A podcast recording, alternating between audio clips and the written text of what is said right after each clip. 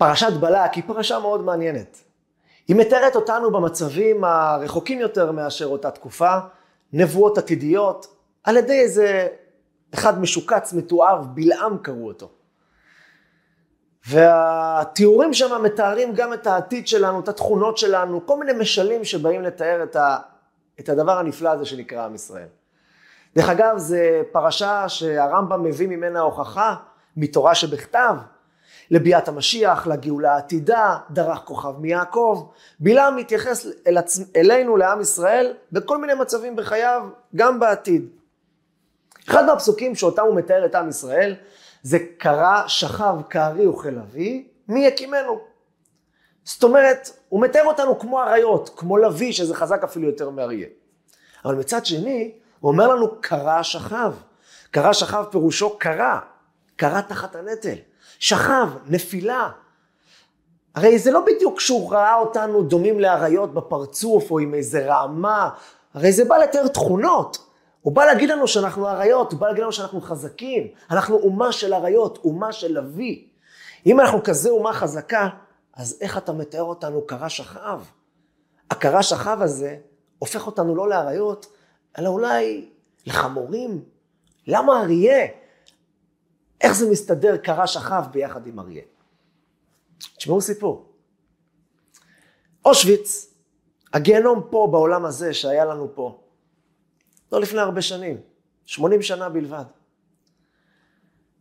הנאצים יימח שמם פירקו את העצמות של עם ישראל, לכאורה שלטו עלינו אומה זרה, ממש, מכף רגל ועד ראש. לא השאירו מאיתנו כמעט צלם אנוש.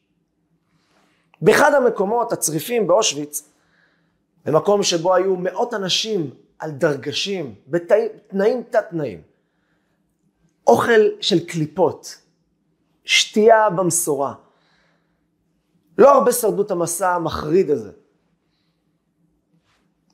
בצריף היה שם יהודי אחד מבוגר, שהצליח איכשהו לשמור אפילו על הצורה של הזקן שלו, היה מחביא אותו בצעיף בכל פעם.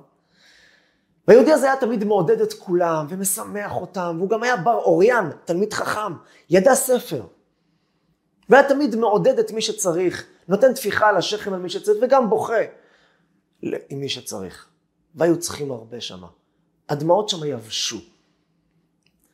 היהודי הזה, יום אחד מגיע לצריף אחרי יום עבודה, וככה מכריז בקול רם, יהודים, אתם יודעים, בעוד שבועיים פסח, אנחנו צריכים לאכול מצות, אנחנו צריכים לארגן לעצמנו מצות. כולם הסתכלו עליו כמו משוגע, אושוויץ, מצות, מרור יש פה בשפע, מצות. אבל הוא לא התייאש. ישב לעודד את היהודים, ואיכשהו ניסו להתארגן יחד, וחשבו לעצמם, מאיפה אנחנו משיגים תנור עכשיו, קמח, מצות, פה באושוויץ, מה זה, גם סכנת נפשות, אבל גם טכנית, איך אתה עושה דבר כזה? אחד היהודים שם בצריף היה משרת אצל אחד הקצינים במחנה. הוא היה מטטל לו את הבית, מנקה לו את הבית. עושה את כל הצרכים כמשרת בבית, משרת אישי שלו. לאותו קצין היה תנור. היהודי הזה התנדב ואמר, אתם יודעים מה? אני לוקח על עצמי להביא את המצות. אני אקח את התנור הזה, שמה נאפה מצות. נמצא איזשהו זמן ונכין לכולנו מצות. התארגנו, אחד שעבד במטבח גנב קצת קמח, זה גנב ככה, מצה שמורה, אני לא יודע אם היה, אבל הצליחו לקחת כמות של קמח שמספיקה לשתי מצות. אותו יהודי סיכן את חייו, אם היו תופסים אותו, הוא היה גומר כמו שרובם גמרו, אבל גם יותר מוקדם, במוות בטוח. הצליח להפות שתי מצות, שתי מצות יקרות כמו יהלום, באושוויץ, בתנור של הקצין הזה. הוא הגיע עם שתי המצות האלה והיה ריגוש מאוד גדול בכל הצריף. היינו כחולמים שתי מצות, כאן בגיהנום. בליל הסדר, ממש בערב עצמו, אחרי המסדר של הערב, כולם התאספו בתוך הצריף, והיהודי המבוגר אסף את כולם סביבו, וכולם ישבו על הרצפה. היהודי שידע אגדה בעל פה התחיל לדקלם את מילות האגדה בשקט, לא בעוצמות, שלא ישמעו בחוץ, אבל עם כל הרגש. היהודים לאט לאט, אלה שהכירו קטע פה, קטע שם, הצטרפו לנעימה, לנוסח, לאמירת ההגדה. לאט לאט עוד ועוד לבבות נפתחו, ואחר כך הוא חתך חתיכה קטנה מכל המצה, היו צריכים לחלק אותה לכמה מאות אנשים. כל אחד קיבל פירורון קטן. העיניים ברקו בחושך. איזה עוצמה. כאן בגיהנום הזה. מצה. לא כזית, אבל מצה. מרור היה להם. היה להם כל השנה. את ארבע כוסות הם הוציאו ידי חובה על ידי ארבע כוסות של דמעות שנשפכו שמה. ונשפכו רבבות, רבבות של דמעות. שנים ארוכות באושוויץ. פתאום נפתחה הדלת ככה בחטף, ונכנס שם קצין ששמע מרחוק קצת איזה רכשים, נכנס לבדוק מה קורה בצריף. והקצין, החייל הנאצי, יימח שמו, רואה פתאום 800 איש יושבים על הרצפה, כמובן שכולם קפצו מהמקומות ונכנסו לדרגשים. הקצין שלף את האקדח שלו, ותפס את היהודי הראשון שנקרא בדרכו ונענע אותו ואמר לו, מה היה פה? תספר לי מה היה פה. מי ארגן פה את כל החמולה פה? מה זה היה פה הזה שישבתם על הרצפה ועשיתם פה איזשהו טקס? היהודי שתק. הוא לא רצה להסגיר את היהודי המבוגר. ובכלל, הוא היה חלק מהאירוע. וגם הוא נהנה פה. הנשמה שלו. אבל אז הקצין, החייל הנאצי הודיע שאם הוא לא אומר לו את מי שעשה את זה, הוא ייקח פה אחד אחד ויהרוג עד שיאמרו לו מי עשה. נהיה שקט בצריף. ואז היהודי המבוגר, זה שכולם כל כך אהבו אותו עם החיוך הנצחי, ירד מהדרגה שלו, הגיע מול הקצין, פתח את מדי האסיר המפורסמים, גילה את ליבו ואמר לו, זה אני. אני ארגנתי פה את הכל. זה לא קשור אליהם. לקחתי פה את כולם, הושבתי אותם, זה ארגון שלי, קח אותי, תהרוג אותי.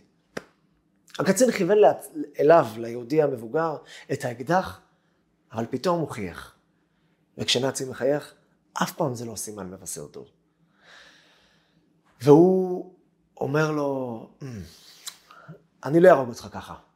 זה מדי פשוט בשבילך. מחר בבוקר, במסדר של הבוקר, אני רוצה שכולם יראו את העונש שאני אטיל עליך, כדי שכולם ידעו מה אסור לעשות כאן באושוויץ. והחיוך שלך, שאני רואה עליך, לא יישאר עוד הרבה זמן. אותו יהודי נעמד כל הלילה, כל הלילה, בפינה, בצריף, ואמר וידוי בבכיות, לא בכי של עצבות כל כך, בכי של הכנה, לקראת דבר שהוא כל כך ידע שהולך לקרות, אבל הנה, הוא יכול לעשות את זה עם הכנה, מסירות נפש. כל הצריף בקושי נרדם. למחרת הבוקר, במסדר הבוקר, הנאצים הכינו תפאורה, במה. במה גדולה, עם עץ גדול, ששם יוצא ממנו חבל כדי לתלות את אותו יהודי סורר. כולם חויבו לעמוד במסדר כל המאות אנשים של הצריף ולראות בעונש שהוא מקבל. העמידו אותו על במה והקצין סיפר לכולם באריכות ובפרוטרוט מה היה אתמול. למה אותו יהודי עכשיו הולך להיענש, להתעלות על העץ, בגלל ההתארגנות שהוא עשה, התארגנות אסורה. דממה הייתה במקום. ואז הקצין פונה ליהודי ואומר לו ככה בחיוך, נו, מה תבקש בקשה אחרונה? גם הימח שמם האלו היו מקפידים למראית עין, אולי כחלק מהסדיסטיות. ויכול להיות שבעומק, בפנים, הם רצו לראות את הצלם אנושי של היהודים ברגעים הקשים שלהם, שזה נעלם. והוא שואל אותו, נו, מה תבקש בקשה אחרונה? תרצה אולי איזה מרק טוב? אולי חתיכת בשר? אולי מים ככה לפני שאתה נפרד פה מהעולם? היהודי בכלל לא הסתכל לכיוון הנאצי. הוא הסתכל רק לכיוון היהודים. למאות היהודים שעמדו שפופים, שבורים, רצוצים. רובם איבדו שם את כל המשפחות שלהם. והם עצמם היו לקראת הסוף, לכאורה. הוא פונה אליהם ואומר להם, שגם הקצין ישמע, אני כהן. אצלנו, אצל היהודים, יש מושג שנקרא ברכת כהנים. אני רוצה לברך אותם כאן במעמד הזה עכשיו ברכת כהנים, ברכה אחרונה ממני, שנייה לפני שאני מת. אני רוצה לברך אותם ברכה. הקצין הסכים. לא הייתה לו הרבה ברירות. והיהודי הרים את הידיים שלו. מעל ראשי האנשים. הוא בירך ברכת כהנים.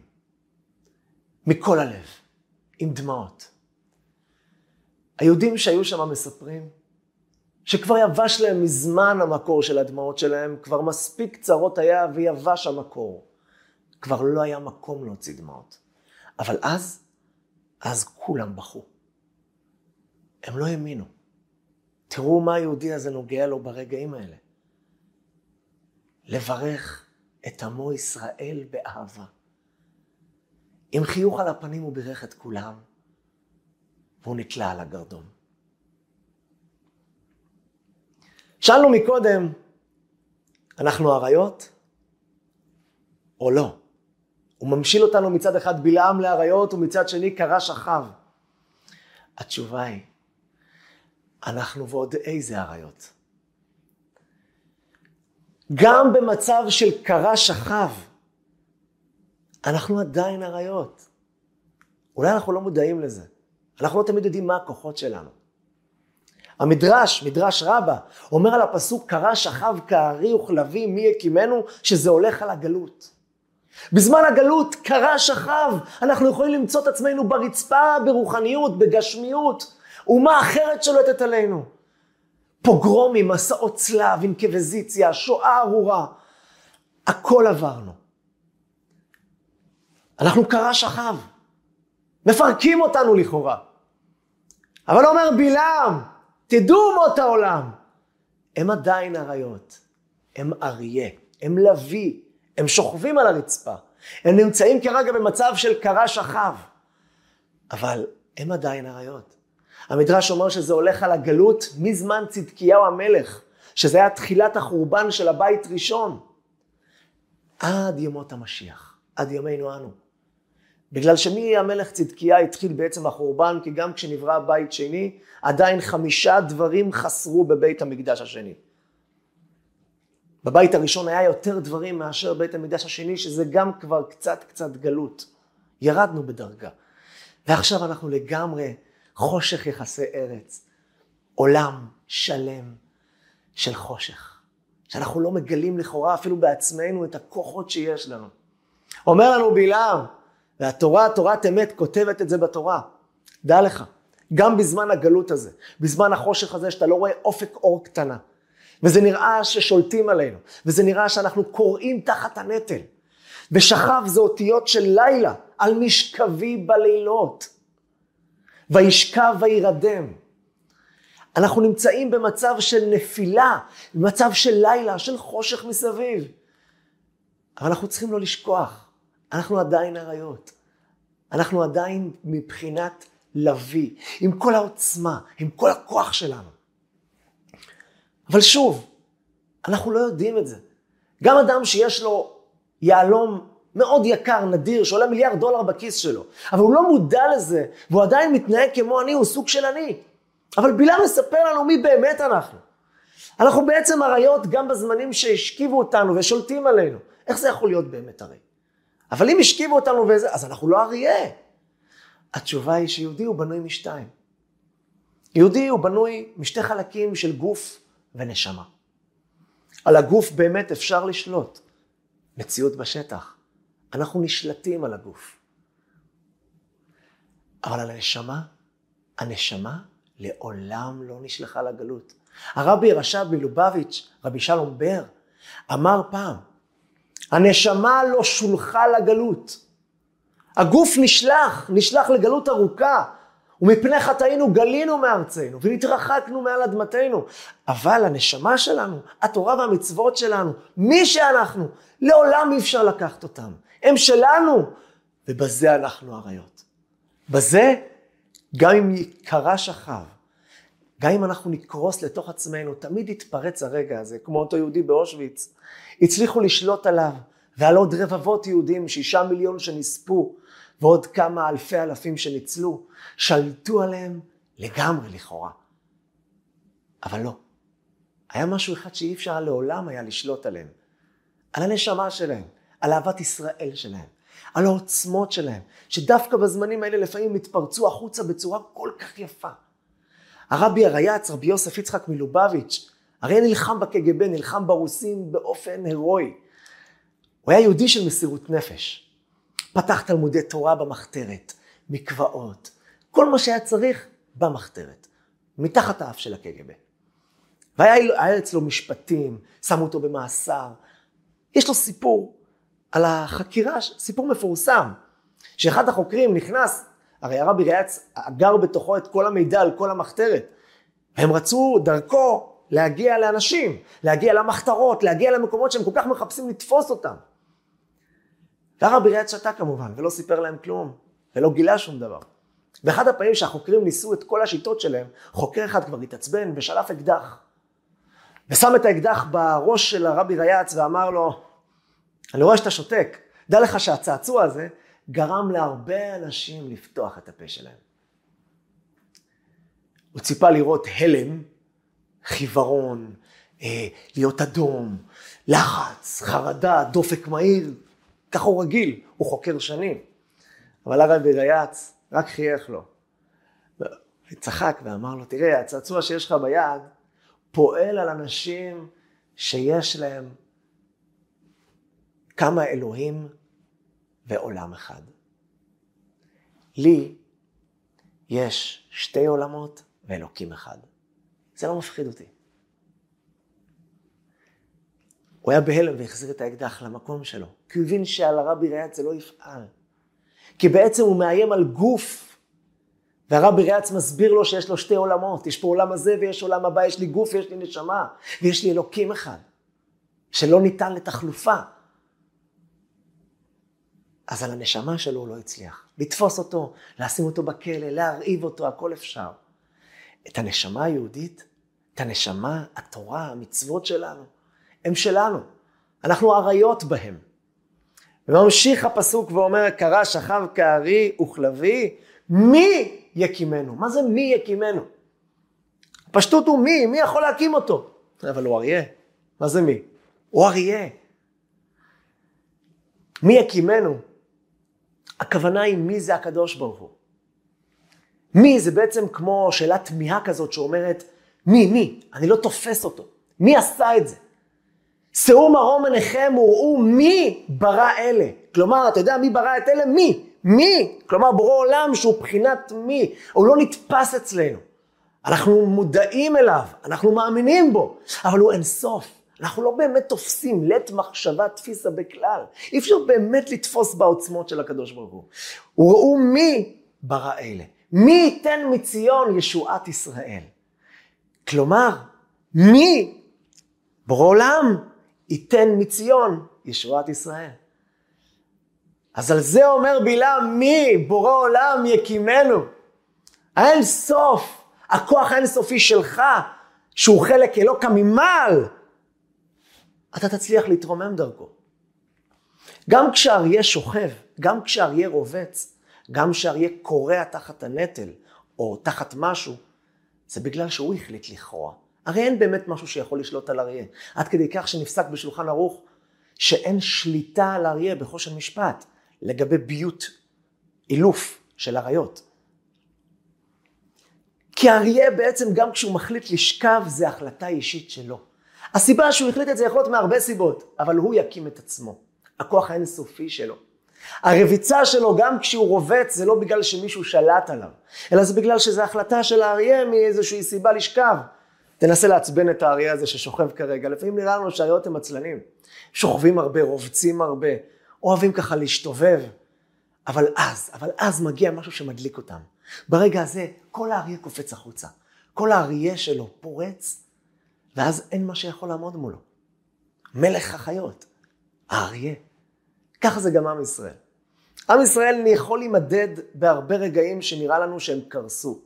אנחנו לפעמים רואים את זה על עצמנו, שבו אנחנו בעצמנו נמצאים במצב קשה, נפלנו, קרסנו, אנחנו מרגישים שאין לנו כוח להתרומם. אבל אז מגיע רגע, רגע של מסירות נפש, רגע של קושי. יכול להיות גם סתם רגע אפילו טוב בחיים שלנו. ואז פתאום אנחנו מגלים מי באמת אנחנו. רק אנחנו צריכים להאמין בעצמנו, או לפחות מישהו שיאמין בנו, בכוחות שלנו. שיאמין וידע ויגלה לנו, אתה יודע מי אתה, אין מישהו שיכול לשלוט עליך. גם אם נפלת לשאול תחתיות, נפלת למקומות הכי נמוכים בעולם, אבל אתה עדיין אריה. אריה לעולם לא יהפך לתוכי. אריה לעולם לא יהיה חתול. הוא אריה, הוא אריה לנצח. אז גם כשהוא קורע ושוכב, אריה הוא נשאר. תספר סיפור שאני שמעתי מאחד ששמע את זה מבעל המעשה, ואני מאוד מאוד התרגשתי. זה היה סיפור שהפך לי לב, להבין את העוצמות של היהודים. יש יהודי שגר בבאר שבע, והוא מסתובב בבתי כלא בדרום, ומניח תפילין ליהודים, ועושה עוד כל מיני הרבה דברים. אולי אותו יהודי דווקא גר בלוד, אני לא זוכר פרטים מדויקים על השמות, וה... אבל את עצם העיקרון של הסיפור, סיפור מרתק. הוא היה מסתובב בבתי כלא, אני לא זוכר איזה, אפילו אולי גלבוע, אולי עוד כל מיני בתי כלא, היה מניח תפילין ליהודים, דואג להם למצות בפסח, לשמח אותם, לבקר אותם, לעודד אותם, אמונה, גם יהודים שנמצאים במצב כזה, או מצב לגמרי לגמרי למטה, היה מגיע לעודד. באחד מבתי הכלא היה עושה פעמיים בשבוע, כמדומני שני ורביעי. באחד מבתי הכלא שבהם הוא היה עושה את הפעילות שלו, כמובן שהסוהרים היו איתו והיה לו בקשר, היה בקשר עם המפקד של הכלא ועם הסוהרים, איזה אגף הוא שם לב איזשהו פתח כזה, איזשהו אגף כזה פנימה, שהוא אף פעם לא נכנס לשם. והסוהרים אף פעם לא הציעו לו אפילו את ההצעה הזאת להיכנס לשם. באחד הפעמים הוא אמר לאחד הסוהרים, תגיד לי, מה זה האגף הזה? הוא לו, עזוב, עזוב. הוא לא, מה אכפת לך, מה, זה? הוא אומר, זה אגף האיקסים. אומר, מה זה אגף האיקסים? הוא אומר, זה אגף של האגף הכי מסוכן פה. אל תיכנס לפה, אין לך מה להיכנס לפה. שואל אותו אותו יהודי, תגיד לי, ויש שם יהודים? אומר לו, כן, יש שם קצת. אומר לו, נו, הם צריכים להניח תפילין. הם צריכים גם כן לספר להם, קצת לחזק אותם. הסוהר צחק, אומר לו, תגיד לי, איפה אתה נמצא? אלה שנמצאים שם זה אנשים שלא מעניין אותם תפילין. זה אנשים שלא מעניין אותם הדיבורים שלך. אנשים שיושבים מאסרי עולם. זה אנשים מסוכנים. סתם ככה, גם אין לך אישור להיכנס לשם. אנחנו בקושי יכולים להיכנס, רק לפי סדרים מסוימים. הוא אומר לו, לא, אני רוצה להיכנס לשם. יש שם יהודי, יש שם מישהו, יש שם נשמה אלוקית, צריך לדבר איתה. גם אם היא תשב שם כל החיים, אני לא בא לשחרר אף אחד משם. יכול להיות שעל פי הטבע או על פי הדין הוא צריך להיות שם, אני לא יודע. אבל התפקיד שלי, לדבר לנשמה שלו. אני רוצה להיכנס. הסוהר לא הסכים כמובן, והוא התעקש. בחביבות, אבל התעקש. הוא ביקש לדבר עם מפקד הכלא. מפקד הכלא קרא לו אליו לחדר, והמפקד צוחק, ואומר לו, כמדומני שלאותו יהודי קראו פרידמן. לא יודע אם אני צודק, אבל העיקרון. אומר לו, תקשיב, זה בדיחה מה שאתה רוצה. דבר ראשון, אני לא מאשר לך להיכנס לשם. בקושי לסוהרים שלי נותן להיכנס. לך ודאי שלא. אבל ב', מה אתה רוצה לעשות איתם? להניח תפילין? אתה לא מבין שזה לא מדבר אליהם? תפילין, שבת. אתה נראה לי לא מבין מי יושב שם. זה אנשים שזה לא... הוא אומר לו, לא, מה אכפת לך לתת לי לנסות? אני רוצה לנסות, להגיע גם למקום הזה. הסוהר, המפקד, ככה אחרי דין ודברים של כמה דקות, אומר לו, אתה יודע מה? יאללה, בשם החברות שלנו, לך לשם, אבל תזכור, פעם אחת אני נותן לך. יש לך צ'אנס אחד. אני אומר לך מראש, אתה הולך לחינם, אבל אתה כל כך רוצה, סע, לך, בבקשה. הביא לו קבוצת צוערים ככה נבחרה, שתשמור עליו מבחינה גשמית, כי זה מקום מסוכן. אומר, הם נכנסים, והוא ככה נכנס ליהודים. הסוהרים אומרים לו על הדלתות, גוי, גוי, גוי, יהודי, יהודי, גוי, והוא נכנס אחד אחד. באחד מהדלתות הוא ממשיך הלאה. הסוהר אפילו לא עוצר להסביר לו מה זה הדלת הזאת, והוא ממשיך הלאה. היהודי הזה אומר לו, רגע, מה זה פה? אומר לו, לא, תקדם, תקדם, תקדם. אומר לו, למה, זה גוי? אומר לו, דווקא יהודי, אבל אתה לא יכול להיכנס. אומר לו, יהודי ואני לא יכול להיכנס, למה? אומר לו, תקשיב לי, אתה לא יכול להיכנס לפה, בוא נתקדם הלאה. אומר לו, אבל למה? אומר לו, תראה, האגף הזה זה אגף ה-Xים, כמו שאמרתי לך. זה ה-X הראשי. זה אדם, תשמע לי, אל תיכנס אפילו. זה אפילו לא ניתן ל... זה מסוכן גם בשבילנו. אנחנו בקושי נכנסים. עזוב את זה, תקדם לחדרים הבאים. אבל יהודי שלנו לא מוותר כזה מהר. הוא האמין, הוא ידע מה זה יהודי. הוא התעקש להיכנס לפה, אמר למפקד, אישר לי להיכנס פה לכל חדר. אתם תשמרו עליי. מה הבעיה? סכנה? תקיפו אותי, ניכנס בפנים. פותחים את הדלת, הוא מתאר, אומר, זה לא ניתן לתיאור בכלל כמעט, מה שראיתי. אני רואה הר אדם, ענק, אדם ענק שבענקים. כולו כתובות קעקועים, ממש, כל הגוף. הוא שכב כולו ככה קשור בשרשרת, בשרשראות, למיטה. חדר קטן מאוד. באותו רגע שנכנסנו הוא נעמד. היה לו, הוא אומר, שערות ארוכות כאלו, והוא ככה מגיע אליי, ואני אומר, המראה שלו בהתחלה מאוד הפחיד אותי. מה זה, איזה גודל, מה, פפו, הוא נראה אדם גס. אני מגיע אליו, ואותו יהודי היה לו אומץ. והוא ככה מגיע ורץ לאסיר. מה נשמע? חיכיתי לך! הוא מגיע לחבק אותו. הוא כמובן, על השנייה שהוא הגיע, נגע בו ככה, בדחיפה קטנה, אל תיגע בי. כמובן שהוא טס ככה. והסוהרים ככה מחייכים, כן, עזרנו אותך, הסברנו לך, אתה מתעקש, בסדר, אוקיי, ננסה להסתדר פה עכשיו. היהודי שלנו עוד פעם הולך אליו. תשמע, הגעתי מיוחד בשבילך, אני אוהב אותך. הוא אומר לו, אתה אוהב אותי? למה, איך קוראים לך? אני לא מכיר אותך. הוא אומר לו, אני יודע שאתה לא מכיר אותי, אבל שמעתי עליך שאתה נמצא פה והחלטתי שאני רוצה לבוא אליך. מה אתה צריך ממני? הוא אומר ליהודי, מוציא לו את התפילין. אומר לו, אני רוצה להניח לך תפילין. אני פשוט אוהב אותך. ושמעתי שאתה נמצא פה, אמרתי, אני רוצה לדאוג לך. חשבתי לעצמי, מה אני יכול לתת לך? אמרתי, אני יכול לתת לך תפילין. זה הדבר הכי מתוק בעולם. אז הנה הגעתי, הבאתי לך את התפילין. היהודי כזה אומר, לא, לא בא לי תפילין. לא, לא הלכתי את זה אף פעם. כמה דקות, והיהודי הפשיל שרוול. הסכים להניח תפילין. אתה יודע מה? יאללה, בסדר. הוא מרים את השרוול, היהודי פותח את התפילין, מוציא את התפילין של יד, ואז הוא מסתכל על היד של האסיר. חשכו עיניו. במקום הקיבורת, בדיוק איפה שצריך להניח את התפילין של היד. היה שם קעקוע נורא ואיום. קעקוע שזה ביזיון לתפילין לכאורה, שיניחו אותה על המקום הזה. היהודי תופס את הראש, מה אני עושה עכשיו? מותר להניח תפילין או אסור להניח תפילין? לא כתוב בשולחן ערוך. הוא מנסה להריץ במוח מה לעשות. לא עולה לו כלום. רק מהלחץ של המקום הזה שבו הוא נמצא, הבריח לו את כל המחשבות. והוא לא ידע, מותר לי להניח תפילין או אסור לי? מה אני אומר לו עכשיו? הוא עם השרוול למעלה, אני עם התפילין ביד, להניח לו, לא להניח לו, מותר, אסור. אין זמן להתקשר לאף אחד, אין זמן להתייעץ עם אף אחד, אתה צריך לקבל החלטות כאן ועכשיו. היהודי חושב שנייה ומחליט, מרים את העיניים ככה, ואומר בשקט לבורא עולם, בורא עולם, אני לוקח את זה על עצמי.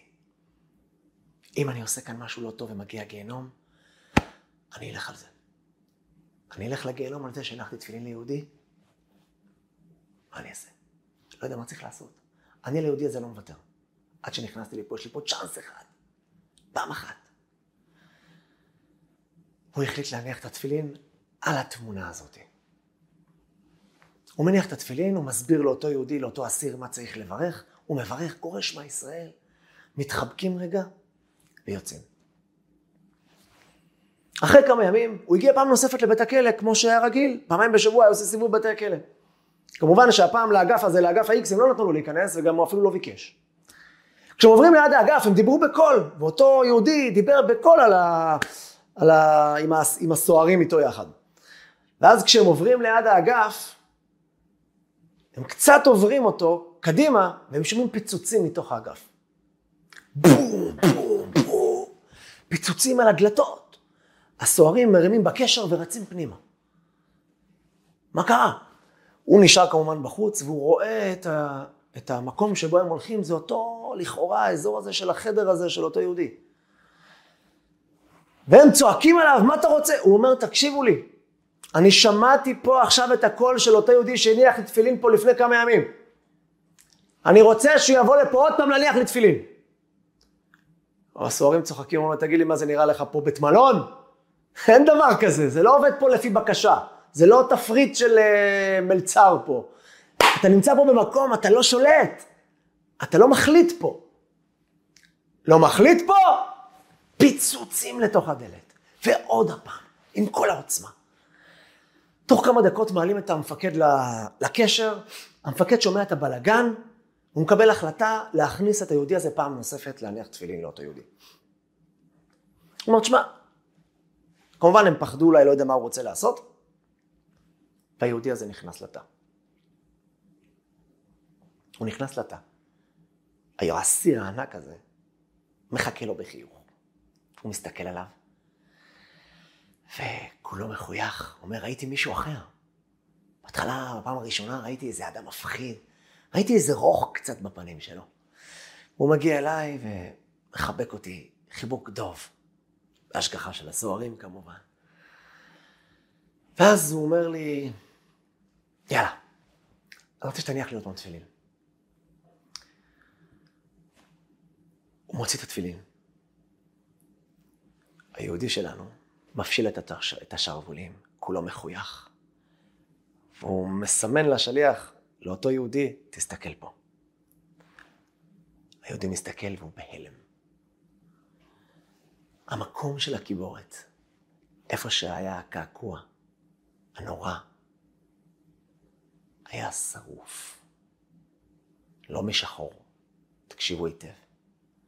כל המקום היה מוגלה ומקולף. ממש נזל שם משלפוחיות מוגלה. הכל היה קביעה אחת גדולה. הוא מספר ליהודי בחיוך, האסיר מספר. דע לך, תספר לך משהו. וכך הוא אומר לו. דע לך, אני, מאז שאני קטן, כולם יעדו לי גדולות בעולם העבריינות. ברחתי מבית הספר בכיתה ב'. תמיד המורים שלי כבר אמרו לי, אתה תהיה עבריין. הייתי ילד גדל גוף, משפחה מפורקת. אבא ואימא פרודים וגרושים. היה מכות בבית, אבא אלכוהוליסט. בכלל, כל הסביבה איפה שגרתי, סביבה ענייה, סוציו-אקונומי נמוך. ואני הייתי הראש של כל הבלאגניסטים שם. כבר בגיל 12 הייתי בכלא לקטינים. כבר פתחו לי תיקים במשטרה. גדלתי ברחוב, ממש ברחוב, לא היה אף אחד שאסף אותי, לא היה אף אחד שהאמין בי. מעולם לא שמעתי מילה טובה. ותמיד אמרו לי, אתה יום אחד תהיה עבריין, והם צדקו דרך אגב, לא בגלל שהם היו נבוא, אה, נביאים, אלא פשוט המילים יוצרות מציאות באיזשהו מקום. ונהייתי עבריין. והידרדרתי והידרדרתי והידרדרתי. כמובן שעל יהדות לא שמעתי בחיים שלי. ידעתי שאני יהודי, לא דרכתי בחיי בבית הכנסת. בבר מצווה קנו לי תפילין שלא הנחתי אותם מעולם. וכך הגעתי עד לפה. אני יושב פה על דברים שלעולם אני לא אשתחרר. כאן אני אקבר. אבל תדע לך, לפני כמה ימים שהגעת לפה וראיתי אותך, הייתי בהלם ממך. אחד, בגלל שאני אחד הנשקים הכי חזקים שלי מול מי שעומד מולי זה המראה שלי. הרסטות הגדולות, הקעקועים, הגופה הגדולה שלי. והמראה שלי היה גורם לכולם להתקפל סביב עצמם. ופעם ראשונה שאני רואה סתם בן אדם שלא מפחד. בהתחלה חשבתי אולי זה בגלל הסוהרים, אתה מרגיש גבר כזה, וואו, hey, אני עם סוהרים פה. אני קם עליך כולי ככה ואתה רץ אליי ומחבק אותי. ושנייה אחרי שאני מטיס אותך, אתה חוזר עוד פעם לחיבוק. אמרתי, וואו, מה זה? מי זה הבן אדם הזה? ואז אתה אומר לי שהגעת בשבילי. הייתי בטוח שאתה עובד עליי. אני חי 40 שנה בעולם הזה, ומעולם אף אחד לא אמר לי שהוא חשב עליי. לא ההורים שלי לא אמרו לי מילה טובה. לא המורים, לא החברים. גם החברים הכי טובים שלי. ברגע האמת כולם בגדו בי. הנה תראה איפה אני נמצא. אתה אומר לי שהגעת בשבילי? חשבת עליי? אתה לא מכיר אותי בכלל. ניסיתי למצוא איפה הפואנטה, איפה הנקודה, איפה אתה עובד עליי. ראיתי שאתה לא עובד עליי. ואז הצעת לי להניח תפילין, בהתחלה אמרתי, מה לי ולתפילין? אבל אמרתי, תשמע, מגיע פה בן אדם שחושב עליך, מעוניין בך, מאמין בך. אמרתי, יאללה, אני אניח תפילין בשבילך. הרמתי את השרוול, ואז אני רואה את החיוורון שיש לך על הפנים. אני רואה בדיוק איפה העיניים שלך נתקעו על הקעקוע שלי. לקח לי כמה שניות לקלוט, אני לא יודע הלכות, לא מבין הרבה דברים, אבל דבר אחד היה ברור לי, זה ותפילין לא מסתדר.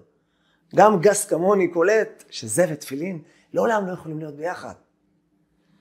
השארתי את היד למעלה, ואז אמרתי לעצמי, יאללה, הנה המבחן שלך יהודי. האם אתה כמו כל אלה שלעולם לא סמכו עליי והסתכלו על המראה שלי החיצוני, על ההתנהגות החיצונית שלי, על איך שאני כל כך למטה, כל כך נפול, כל כך מרוסק, ואף פעם לא האמינו שיכול לצאת ממני משהו. האם אתה בדיוק כמותם שמסתכל על איך אני נראה בחוץ, על הקעקועים שלי, על הרסטות שלי, או שאתה יודע ואומר לעצמך, יהיה מי שיהיה אתה, אני סומך עליך, אני אוהב אותך, אני רוצה להניח לך תפילין על מה שלא יהיה. אמרתי, זה רגע המבחן שלך. הבנתי שזה קשה לך, הבנתי שזה לא מסתדר, אבל רציתי לראות איפה אתה. אמרתי, אם אתה מניח לי פה תפילין, קנית אותי. והנחת תפילין. דע לך, המעשה הזה מאוד ריגש אותי. אני לא האמנתי שככה היהודי יכול לחשוב אחד על השני. התעקשתי שגם היום תניח לי תפילין, אבל ידעתי שהקעקוע הזה מאוד מפריע לך. אספתי גרגירי מלח, מלח גס שאני מקבלים פה בכלא. פשוט לקחתי את זה ושפשפתי כמה שעות על מקום הקעקוע, עד שכל המקום נשרף, קיבל קביעה וירד מוגלה משם. אז הנה. וואו. אריה, לביא, גם אחרי שהוא קרא ושכב. גם אחרי שנשכבנו על הרצפה, גם אחרי שאנחנו נמצאים במצב הכי נמוך בעולם. אנחנו יכולים ברגע אחד לקפוץ החוצה ולהיות אריות. היהודי הזה הגיע למקום הכי נמוך בעולם, למקום שהוא מוכן למסור את הנפש שלו, את היד שלו. כאבי תופת שאני לא יודע כמה אנשים מסוגלים בכלל להתמודד עם כאלה כאבים. בשביל מה? בשביל משהו שעד לפני רגע לא עניין אותו, הוא לא חשב על זה מעולם, והוא לא חשב אי פעם להניח את הדבר הזה. כי בעצם באמת הוא אריה. רק צריך לדגדג אותו. צריך לדעת להזכיר לו לפעמים, אתה לא חמור. גם קרה, שכב, אתה עדיין אריה, אתה עדיין לביא. אבל מי? אתה צריך להתחבר לאינסוף, לקדוש ברוך הוא. אתה תקבל כוחות אינסופיים. מי יקימנו? אנחנו צריכים להיות מודעים לעצמנו. תמיד מדברים על מודעות עצמית. מה זה מודעות עצמית? מודעות עצמית זה לא על זה שאני יותר טוב מכל החברים שלי. מודעות עצמית זה פשוט לדעת שאתה יהודי, בן של אינסוף. כוח אינסופי נתנו לך ביד. גם גוי מטונף ומשוקץ ומתועב, כמו בלעם, רואה בעם ישראל אריות. הוא רואה בהם לביא. גם בזמן הגלות, שעל זה נאמר הפסוק, כמו שראינו במדרש, מתאר אותנו כאריה, כלביא, והמדרש ראה את כל מה שקורה היום, ראה את כל החושך, ראה את כל הקשיים שאנחנו עוברים. ואף על פי כן אומר המדרש, אומר הפסוק, אומר בלעם, דע לך אתה אריה, דע לך יש לך כוחות שאתה בעצמך אינך מודע להם. אתה רק צריך להאמין בזה, אתה רק צריך לדעת שבאמת יש לך את זה בפנים. ואז תצליח לקום מעצמך, כי בעצם קרה רבץ, זה לא בגלל שמישהו עשה לו את זה. אנחנו האריה עצמו החליט לכרוע ולרבוץ, אבל זה רק על הגוף, על הנשמה שלנו אף אחד לעולם לא יכול לקחת לנו את זה. אנחנו צריכים פשוט לדעת ולהכיר ולגרות את הנשמה, לתת לה לפרוץ החוצה, לגלות לעצמנו מי אנחנו, לדעת שאנחנו מסוגלים לעשות כל דבר בעולם כי מכוח הבורא אנחנו הולכים. אז אם הברור הוא אין סוף, גם אנחנו אין סופים, בכוחות של התורה והמצוות והנשמה שלנו. ולכן יהודים לכל אורך הדורות באינקוויזיציה, במסעות הצלב, בשואה, בפוגרומים שעברנו, פרעות תחבטה, תרפ"ט, יהודים מסרו את הנפש שלהם, רק בגלל הסיבה הזאתי. כי באמת הם אריות, אנחנו מסוגלים בשנייה אחת להתהפך, כמו אותו אריה ששוכב נראה עצלן, אבל פתאום מישהו יכעיס אותו, פתאום מישהו ידליק אותו, וכל האריה שלו יפרוץ החוצה. זו הפרשה שלנו, זו הפרשה שמגלה לנו מי אנחנו. אז בואו נהיה אנחנו, בואו נהיה אריות. אנחנו כבר כאלה. בואו נדליק את האריה שבנו, בואו נדליק את הלוי שבנו, ונפרוץ קדימה, ונכבוש את העולם. אמן.